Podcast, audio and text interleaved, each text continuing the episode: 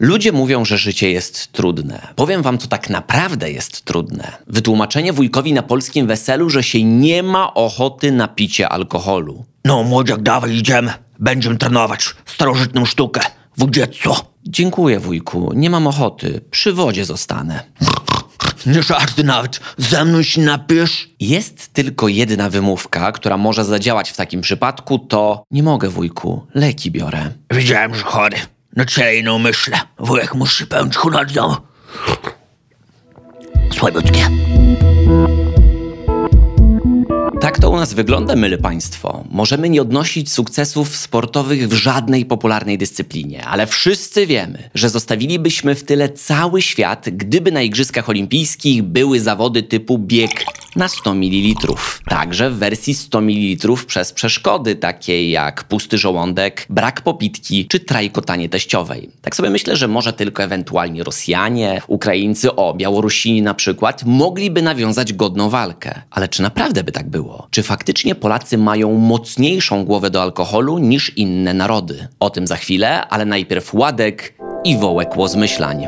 Czy w całej historii świata alkohol przyczynił się do większej liczby zgonów czy ułodzeń? Hmm, dobre pytanie. Jedno jest pewne: alkohol jest niezwykle użyteczny, gdy ktoś wyrusza na jakąś samobójczą misję, taką jak na przykład przeczytanie nad Niemnem. Pora na kolejne zdanie w ramach naszego stałego cyklu Przeczytaj w końcu nad Niemnem, a potem niech wali się świat. Za tymi pasami roślinności dzikiej, cicho w cichej pogodzie, stało morze roślin uprawnych. Yy, to już? Tyle? Nie myślałem, że kiedykolwiek to powiem, ale zrozumiałem całe zdanie z nadniemnem. Trzeba to uczcić. Przed wami gwóźdź programu.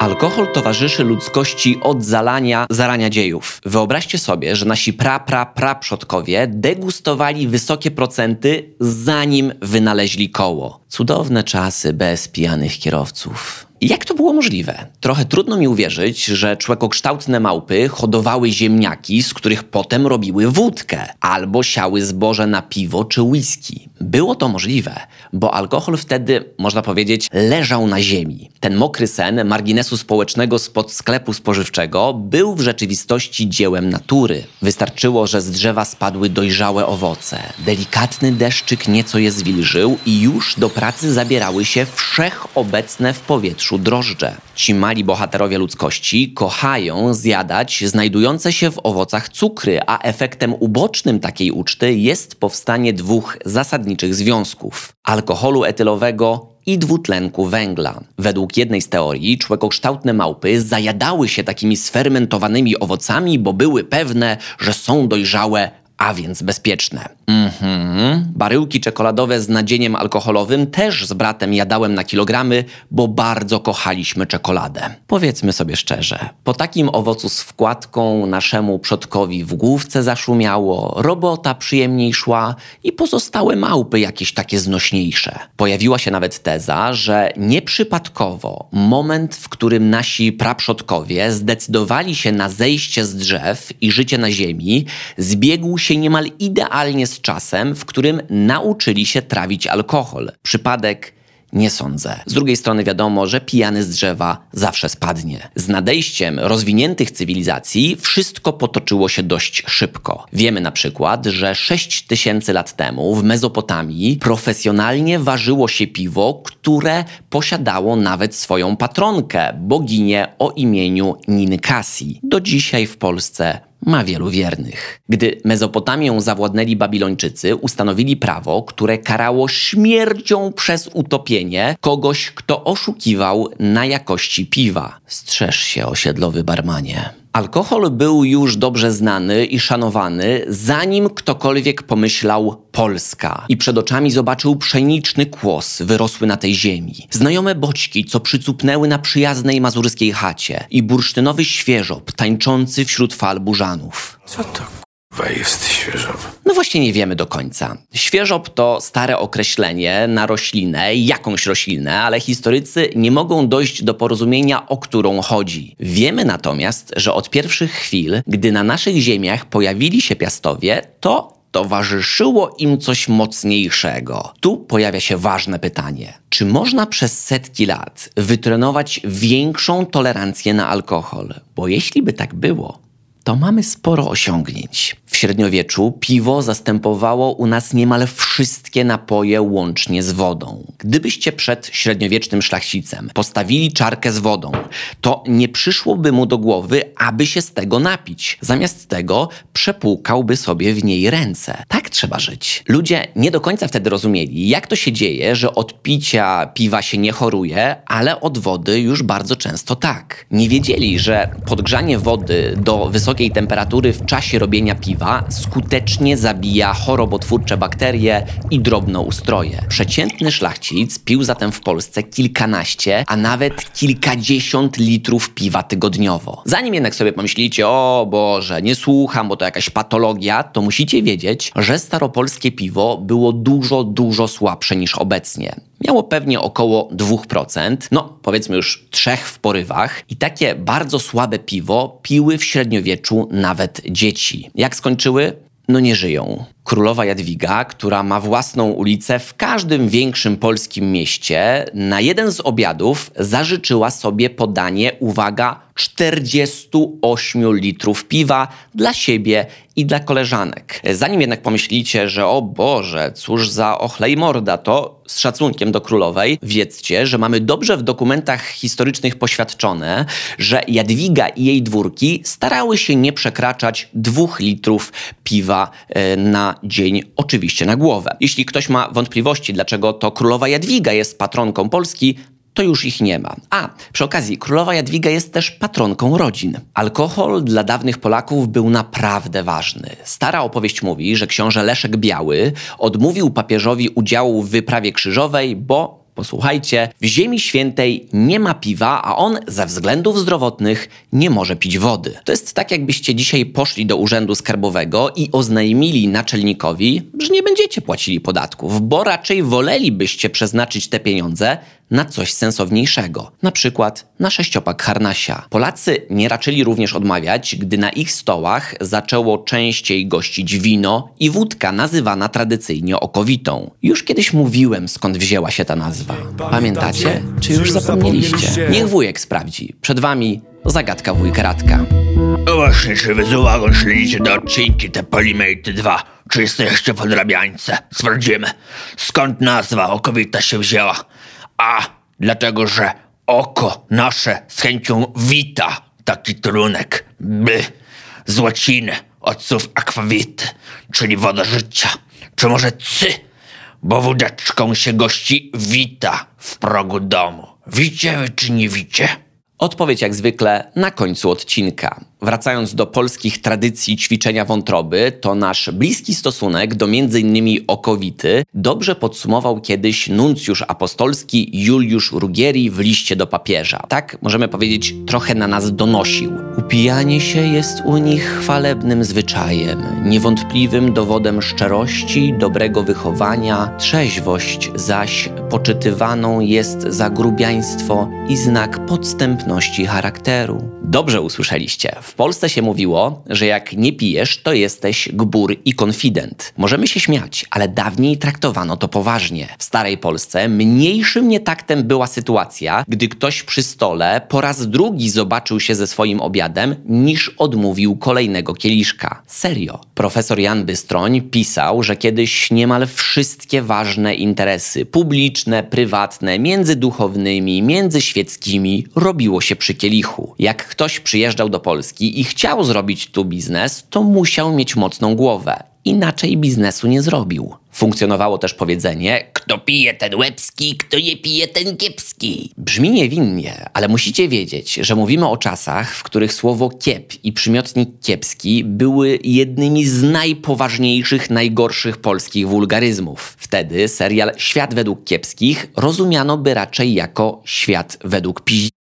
Za tymi zwyczajami poszło także wyposażenie używane do picia. Na stołach pojawiały się przedmioty, które byłyby dziś mrocznym obiektem pożądania każdego weselnego wujka Darka. Mowa na przykład o tak zwanych kielichach kulawkach, których nie można było odłożyć na stół, bo miały tylko cienką nóżkę i od razu się przewracały. Trzeba było więc trzymać kieliszek w dłoni, no i po prostu pić. Były też podwójne kielichy. Po ich odwróceniu na znak, że już nie chcecie, niet, okazywało się, że dno jest drugim kielichem i zabawa zaczynała się od nowa. To jest mniej więcej tak, jakby przycisk do awaryjnego wyłączenia reaktora atomowego powodował jego wybuch. Tak docieramy do czasów napoleońskich, gdzie w zachodniej Europie popularne było powiedzenie pijany jak Polak. Miało ono zaskakująco pozytywne znaczenie. Chodziło o kogoś, kto w stanie zdecydowanie wskazującym zachowywał trzeźwe myślenie i sprawność fizyczną, czyli miał, można powiedzieć, mocną głowę. Trudno dzisiaj jednoznacznie ustalić, w jakich okolicznościach powstało to powiedzonko, ale Polacy przez długi czas kojarzyli się w dużej części Europy z ludźmi, którzy potrafią przyjąć naprawdę potężne dawki alkoholu. Nawet w języku polskim mamy ślady tego, że spożywanie alkoholu było na najlepszej drodze, aby stać się polskim znakiem rozpoznawczym. Co poszło nie tak? Julian Tuwim w polskim słowniku pijackim zawarł zaledwie kilka synonimów zwrotu pić wódkę, czyli cykać, chlać, chlapać, chlupnąć, chlasnąć sobie, doić, dudlić, dugnąć, dziobnąć, dźgać, rypsnąć, grzdylnąć, bawić się kieliszkiem, buzi dać,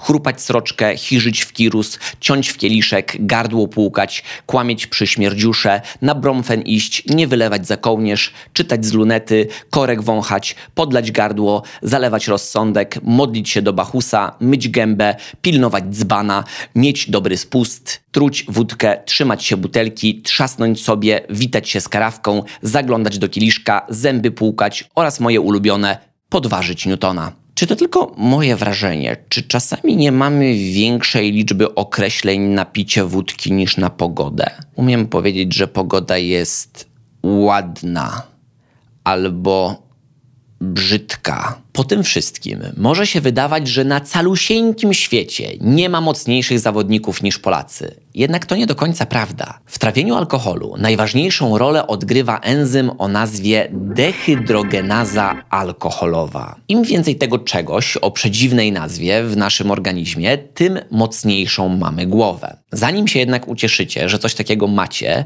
to wiedzcie, że większą ilość tego enzymu przypłaca się silniejszymi kacami, podatnością na alkoholizm czy marskość wątroby. Coś za coś, jak to mówią. Per esperal ad astra. Ilość enzymów to sprawa genów, więc w dużym uproszczeniu nasi przodkowie mogli zostawić nam spadku, oprócz interwencji komorniczej, mocną głowę. Tak trafiamy do głównego pytania tego odcinka. Czy Polacy, jako zbiorowość, faktycznie mają mocniejszą głowę niż inne narody? Na przykład za sprawą innej, powiedzmy, lepszej puli genowej. Czy przyłożyli się do tego pierwsi piastowie, a potem setki lat ostrych treningów alkoholowych? Nie. Nawet gdybyśmy założyli, że Polacy od czasów Mieszka I pili całymi dniami, aby przestawić nasz kod genetyczny, to na nic by się to zdało. Jak twierdzi genetyk dr Raymond White, badacz fenomenu tzw. Tak mocnej głowy, owszem, naszą zdolność do wytrzymywania dużych dawek alkoholu w ogromnej mierze dziedziczymy od przodków, ale mutacje genów odpowiedzialnych za tolerancję na alkohol zmieniają się w całych społeczeństwach przez setki tysięcy lat. To oznacza, że Twoja czy moja genetyczna wytrzymałość na alkohol ukształtowała się tak dawno temu, że nikt wtedy jeszcze nie wiedział, gdzie jest Polska, Europa Wschodnia czy nawet Radom. Dlatego nie ma większych różnic w tolerowaniu alkoholu wśród Europejczyków tak ogółem. Takie zmiany mogą dopiero wyjść na jaw, gdy porównujemy się na przykład do Azjatów,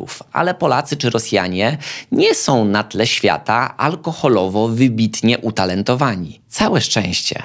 Nawet jeśli Twoja tolerancja na wysokie procenty jest ekstremalnie duża, to nie znaczy, że podobnie ma reszta mieszkańców tego kraju, nad którym czuwa dumna patronka królowa Jadwiga, gdy aktualnie nie pije. Paradoksalnie przy naszej nieco zamroczonej historii dziejów nie pijemy w czasach najnowszych aż tak dużo. Dane międzynarodowe z 1965 roku pokazywały, że Polska zajmowała 26 miejsce, jeśli chodzi o spożycie alkoholu na jednego mieszkańca rocznie. To nawet nie było top 10 czy top 10, jakby to powiedział Mariusz Max Kolonko. Według nowszych statystyk Światowej Organizacji Zdrowia w 2010 roku wypijaliśmy średnio 12,5 litra czystego alkoholu rocznie, co plasowało nas na pff, 14 pozycji na świecie. Sarmaci się w grobach przewracają. Ludzie, w jednym z ostatnich badań spadliśmy na 18 miejsce, chociaż to w sumie nadal wyżej niż obecnie nasi piłkarze w rankingu FIFA. Oczywiście to tylko statystyki, bo jeśli ja mam na obiad mielone, a ty kapustę, to statystycznie jemy gołąbki. Natomiast te liczby pokazują, że nie tylko mit Polaka o mocniejszej od wszystkich głowie powinniśmy włożyć między bajki. To samo powinno stać się z mitem Polaka pijaka.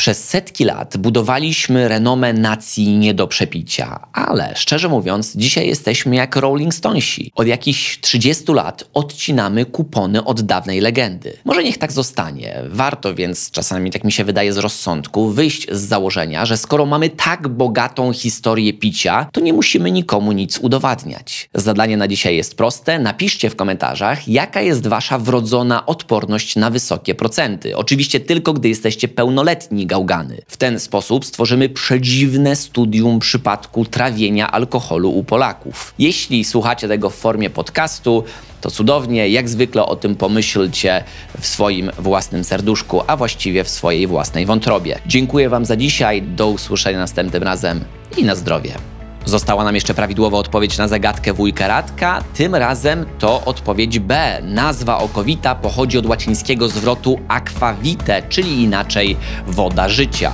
Kto y, uważnie słucha i śledzi Polimaty 2, ten nie miał najmniejszych problemów z odpowiedzią na to pytanie. Y, aby nie mieć problemów z odpowiedziami na inne pytania, subskrybujcie Polimaty 2 w formie podcastu i ocencie go, jeśli możecie. Bardzo za te aktywności dziękuję. Do usłyszenia.